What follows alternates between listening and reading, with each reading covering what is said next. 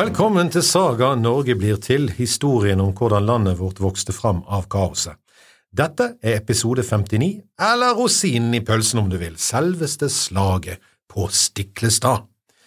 Slaget på Stiklestad ble ganske raskt noe i nærheten av en norsk opprinnelsesmyte. Det skulle gå svært kort tid før alt ble snudd fullstendig på hodet.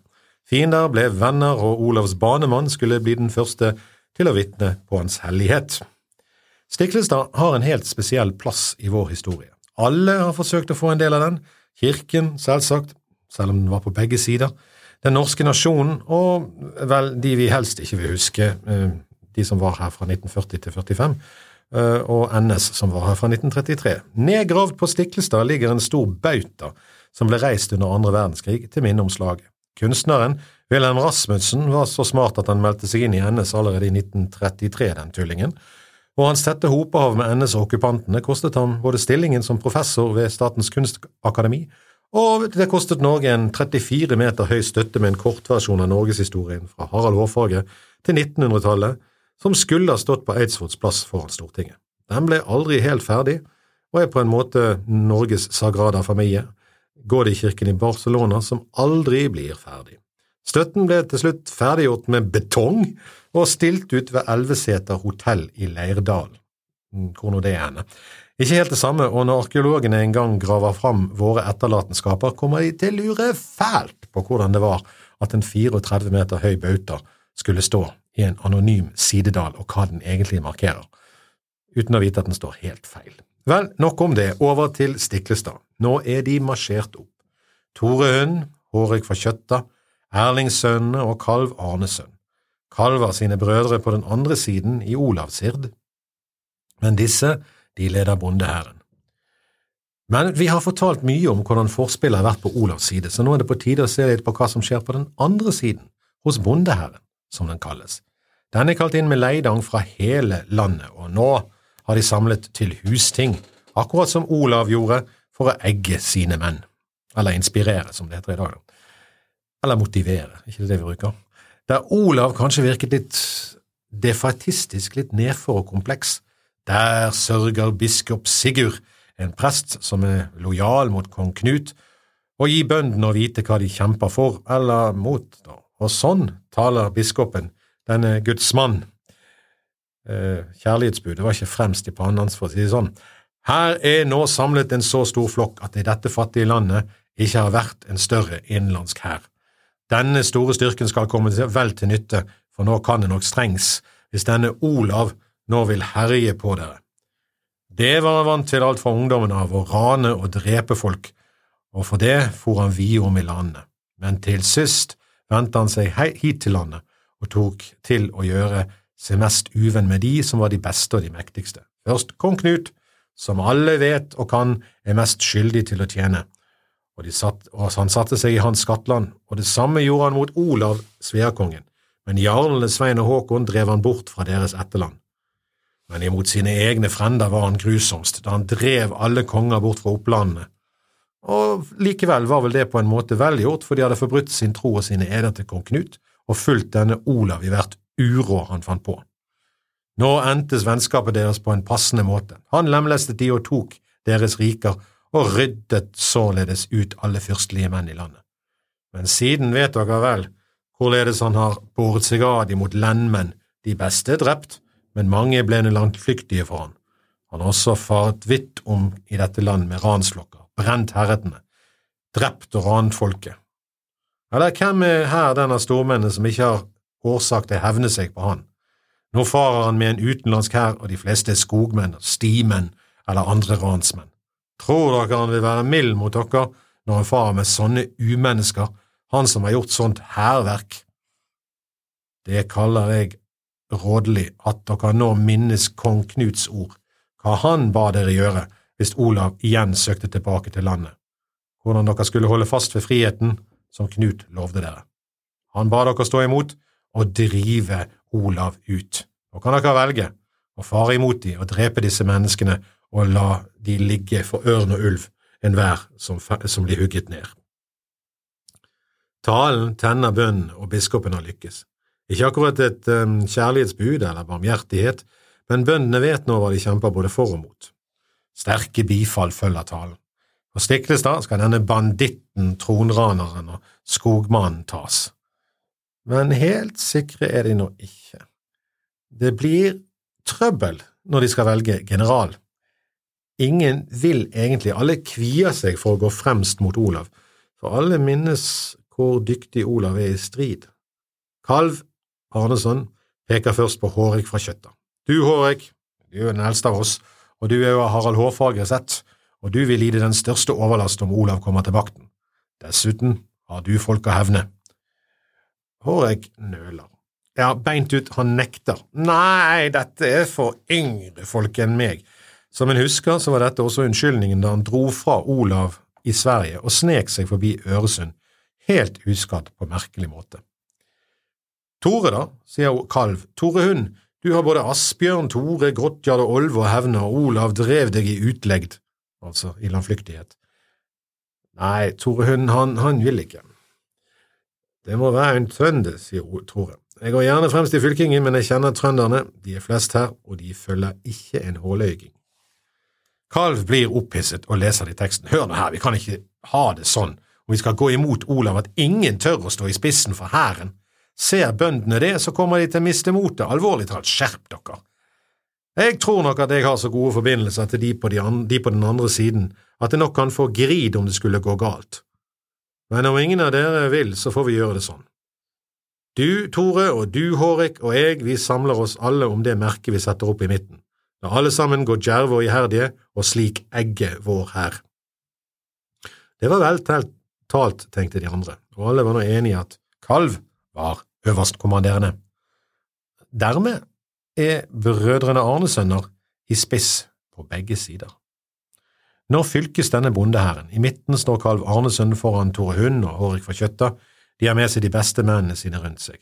Sammen med de en gruppe trøndere og andre av de dyktigste krigerne i bondehæren. Dette senteret i hæren er stort og tykt og kraftig, her er mange menn, og det er de dyktigste av de. Men også denne hæren er så stor at den fylkes i tre divisjoner. Den ene siden utgjøres sannsynligvis for det meste av trønderske styrker, mens den andre flanken holdes av horder, sogninger, firdafylkinger og ryger, Erling Skjalgssons gamle venner og frender og hans sønners hær. Karl Arnesen hever stemmen nå. Nå må alle de som har noe å hevne på Olav, gå fremst i fylkingene. Og frem går de mennene som har mistet frender, stilling og eiendom. De har mest å hevne. Oppgjørets time er kommet. En som kommer frem midt i midtfylkingen, er en Torstein Knarresmed. Navnet antyder at han bygget båter. Hva har han mot Olav? Jo, Olav tok fra ham et skip han hadde bygget. Jeg vil stå fremst mot Olav, jeg vil være den første som bærer våpen på han for å hevne skipsranet. Men først må de flytte hæren i orden til Stiklestad, der de nå vet at Olav er. Det er ikke langt, men de tar ingen sjanser. Tore Hund får gå bakerst for å sikre at ingen, eh, ja, forsvinner underveis eller lurer seg unna. På den andre siden ser nå Finn Arnesund at bondehæren begynner å sige inn på sletten ved Stiklestad med hans bror i spissen. Han vekker Olav. Men kampen tar ikke til straks. Bøndenes hær har rykket ujevnt fram, og de stopper for å vente på etternølerne, og Tore Hund jager de foran seg. Olav kunne nå angripe en uorganisert hær og ha tatt dem bit for bit, men det samme er tilfellet på hans side. Dag Ringsen har latt vente på seg, så Olav har heller ikke fulle styrker ennå. Men med eller uten er hans styrker færre enn motstanderens. Hundre hundre sies det at de har. Storhundre, altså 14 400 mann. 120 ganger 120. Tallet er selvfølgelig ute i det blå, men alle er tydelige på at de er dobbelt så mange menn på bondehæren som på Olavssiden. Da skulle Olav hatt 7200, men han har jo bare 3600 etter opptelling, og til alt overmål mangler 1200 mann og Dag Ringsønn. Nå står det altså over 14 000 mot en mye mindre hær. Olav venter og håper at eh, Dag skal komme fram. Nå får de etter hvert øye på han og ser hvordan han kommer inn på den ene flanken, men han er ennå et stykke unna. Motet stiger likevel, og Olav snur seg mot bondeherren og roper. Hvorfor er du der, kalv, vi skiltes jo som venner, det sømmer ikke seg for deg å slåss mot oss, du har jo fire brødre her med meg. Kalv svarer. Mye går nå annerledes enn det sømmer seg, konge, du skilte deg fra oss slik at man måtte søke fred med den som kom etter men forlikes kan vi ennå om jeg får råd. Broren hans Finn sier til kongen, pass på nå, når kalv taler vel, så har han ondt i sinnet. Kong Olav svarer kalv. Det kan være at du vil ha forlik, men de 14 000 kompisene dine ser ikke så fredelige ut. Ok, han sa ikke akkurat det, men det var det som var innholdet. En Torgeir av Kvitsander roper til Olav. Du skal nå få den samme fred som du har gitt så mange andre. Olav svarer, ikke vil du få seier av oss, så du bør ikke være så lysten på kamp. Nå kommer Tore Hund frem fra oppdraget sitt i baktroppen, og han går rett forbi merket og er tydelig lei av all pratingen. Fram, fram, bondemenn! roper han. Bondehæren svarer med et brøl som snart stikker opp på Olavs side også, og nå har Tore trykket på den store røde knappen bare ved å gå frem. Han utløser spenningen som på begge sider har bygget seg opp, og som alle har stått og kjent på. Det er slutt på snakk når det er kamp. Håløygingen har mistet tålmodigheten, og nå raser han fram og setter med det hele bondehæren i bevegelse. Fram, fram, kristenmenn, korsmenn, kongsmenn! Svaret på tiltale kommer fra Olavs side. 14 000 mann i bondehæren skal nå egentlig valse over Olavs mindre styrke, men det skjer ikke.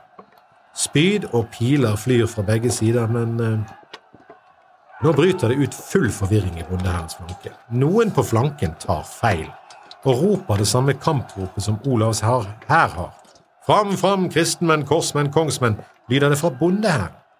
Når bondehærens senter og indre flanke hører det, tror de at det er Olavs menn som har kommet inn på siden og inn i flanken deres og angriper fra siden.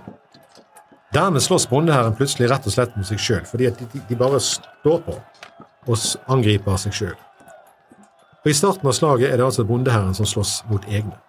Mange faller før det går opp for dem hva som skjer. Sverd og brynjer møtes, blodet spruter. Til slutt får noen endelig stoppet galskapen, men mannetapet er stort. Felt av sine egne på Stiklestad. Det er ikke et godt ettermæle å ha, tenker jeg. Men nå er endelig hæren stoppet opp og vendt riktig vei. De er på en måte klare, men det tar tid å ordne helt opp i kaoset. Akkurat da går lyset. Det blir mørkt. Solen som tidligere har skint så klart på slagstedet, blir borte. En solformørkelse gjør dag til skumring. I mellomtiden har Olav angrepet. Med forvirring på bøndenes flanke har han fra en liten høyde gått i kamp. Hans senter og bestemenn stormer ned bakken og treffer bondehæren som en knyttneve. Olav og hans hird treffer bøndene så hardt at de viker. Olavs menn skjærer gjennom fylkingen, og en senterstyrke slår gjennom bøndenes fylking og står snart der bøndenes baktropp har vært. Det blir panikk nå blant bøndene, de vil flykte.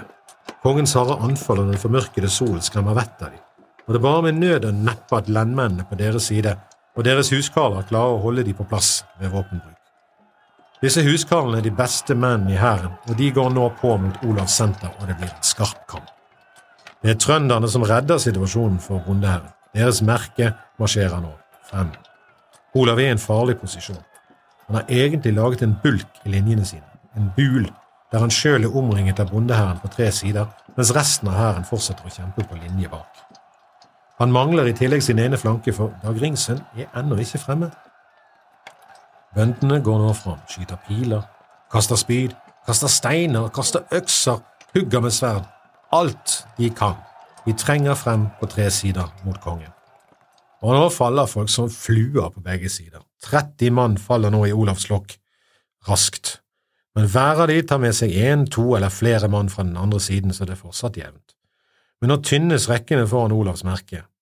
Kongen ber Tord Folesønn bære frem merket sitt. Olav følger merket, og med ham de mest våpendjerve og best væpnede mennene. De går framover, ikke bakover mot linjene. Det gnistrer av Olavs øyne, og det lyser av kampvilje og blodtåke av kongens blikk. Mange bønder blir helt himmelfalne når de ser han. Skalden sier at trønderne ikke klarte å se han i øynene. De trekker seg unna, de legger ned. Olav sjøl går fram i huggkampen. Han kjemper godt, han kjemper modig, han er dyktig med sverdet, og han har et godt sverd. Så får han øye på Torgeir av Kvitstad, han som var så lysten på kamp. Med sverdet sitt i ett hugg kløyver Olav hodet hans så det nesten faller av. Og så sier han, er det ikke sant som jeg sa, Torgeir, at du ikke ville få seier mot meg? Roper han gjennom våpenlarmen. I samme øyeblikk får Tord Foleson, merkesmannen til Olav Banesår. Han bruker sine siste krefter til av all makt å kjøre merkestangen så dypt ned i jorden at den står bom fast. Så dør han der, under merket. Og som det siden ble skrevet, det er det sterke og det er det glupe, at merket det stend og mannen hans stupe. Merket står, Tord Folesund forgår. Nå er mørket fra solformørkelsen falt på, og det er først nå at Dag Ringsund ankommer, litt forvirret, seint, men godt. Skal han bli Olavs Blücher, han som kommer for seint, som i slaget ved Waterloo, men tidsnok til å redde dagen? Han går sakte fram på grunn av mørket og er usikker på hvor fienden er. Men han går etter hvert mot eh, det stedet som det viser seg at Rygene og hordene holder til. Frem går nå Kalvs frender Kalv og Olav, heter de faktisk bare for forvirringens skyld, altså det samme som de som kjemper på hver side, Kalv og Olav, de går på den ene siden av Kalv Arnesen. På den andre siden kommer en stor skikkelse nordfra frem i en skinndrakt. Det er Tore Hund. Olav hugger til Tore over skuldrene, men sverdet biter ikke, og dette er det skarpeste sverdet som er kjent. Det kommer en slags røyk av reinsdyrkoften til Tore. Tore har, etter det folk tror, en forhekset skinnrustning. Slik går i alle fall historien, så sverdet biter ikke på den. Det er nå tvekamp mellom Tore og kongen, og her står slaget og vipper under en formørket sol. Olav er best med sverdet, men det vil ikke bite. Han hugger Tore over hendene, og der biter det, for det er ingen rustning, så blodet renner nå fra Tores hender. Olav roper til Bjørn Stallere som bærer en øks. Slå du hunden som jern ikke biter på! Bjørn vender øksen og slår til med flatsiden i Tores skulder. Så hardt er slaget at Tore vakler. Olav snur seg mot Karls frende Olav og gir sin navnebror barnesår. Da sier Tore, slik stikker vi bjørner, og så stikker han spydet gjennom Bjørn Stallare, som faller. Nå er det den før nevnte Torstein Knarresmed som trer inn i kampen. Han hugger til Olav med øksen, og treffer like over kneet på venstre fot. Han får ikke så glede seg så lenge over treffet, for Finn Arnesen dreper han straks, på stedet. Men Olav er nå alvorlig såret, og han klarer ikke stå oppreist. Han støtter seg mot en kampestein kaster sverdet og ber Gud hjelpe seg. Hva Gud hører av bønnen, vet ingen, men Tore Hund tar nå det spydet som kalles selshevneren, og rammer det inn under brynjen og opp i kongens underliv. Nå ser Kalv sin sjanse og hugger til Olav i halsen. Hvilken kalv det er som hugger, er det ingen som noen gang er blitt enige om på tusen år. Men det er alle enige om, at her faller Olav Haraldsen digre. Nå faller også de fleste som har vært rundt ham, og Norge faller endelig ut av hans hånd. Men slaget er ikke over. Dag Ringsønn står fortsatt, og han har kommet seint og uthvilt til slaget. Han slår godt fra seg, han har jo 1200 mann, og bøndene viker her også. Mange faller, og med dem en rekke lendmenn som ledet bøndene, og merket på flanken deres blir hugget ned. Kampen er voldsom og får et eget navn, Dagsriden. Men når Olav og hans menn nå er felt, vender Hårek, Tore og Kalv seg mot Dag på flanken. Da bryter Dags motstand sammen og han flykter opp dalen med de som kan og orker. Mange dør i flukt når de vender ryggen til fienden. Bøndene orker ikke følge langt etter, for de er like utslitte og vil helst se til de av sine frender og venner som ligger igjen på valplassen. Tore Hund ser at dagen er vunnet, og bryr seg ikke så mye om de som løper opp i skogen. Han vil se til kongen, gjerne før noen andre har fått eh, fatt på liket. Torehunden går bort til steinen der Olav fortsatt ligger, han steller liket, legger det ned, retter det ut og legger et klede over. Når han tørker blodet av kongens ansikt, synes kongens ansikt så fagert at det er rødme i kinnene som om han bare sover. Men ansiktet virker mye lysere nå enn før han, når han levde. Kongens blod drypper ned på Tores hånd, der han har blitt hugget til blods av kongens sverd. Sårene gror da så fort at de ikke trenger forbinding i det hele tatt. Det vitnet senere Tore Hund om for alle som ville høre. Tore Hund var den første til å holde fram Olavs hellighet, og dette var ett av mange undre som nå skal bli fortalt. Kalv Arnesen leter naturlig nok nå etter sine brødre. Han finner to av dem. De var slett ikke glad for å bli funnet av sin bror. Din fordømte gridniding og kongesviker, hilste Finn sin bror med og kaster et sverd etter han. Men Alv tar, Kalv tar det relativt pent og tar begge bort fra hvalen, og begge hadde egentlig bare overflatiske sår, men har rett og slett falt sammen, utslitte, etter kongens fall. Etter seieren blir det ingen feiring. Hæren løser seg mer eller mindre naturlig opp. Men helt over er det ikke, det skal vi høre om neste gang. Men nå avslutter vi historien om selve slaget. Olav er død, Tore Hund har gitt han barnesår, Blant seierherrene er det nå mange som mener seg fortjent til en jarletittel, i alle fall Kalv Arnesund. Einar Tambarskjelv er òg endelig på vei inn fjorden etter å ha ventet til at slaget er over. Men kong Knut har en overraskelse på lager. Han er lei av nordmenn. Skikkelig lei av nordmenn. Vi avslutter med et vers fra Håvamål i dag, og i dag handler det om våpen siden vi har snakket om et slag. Våpnene sine skal mannen på Vål ikke gå langt ifra.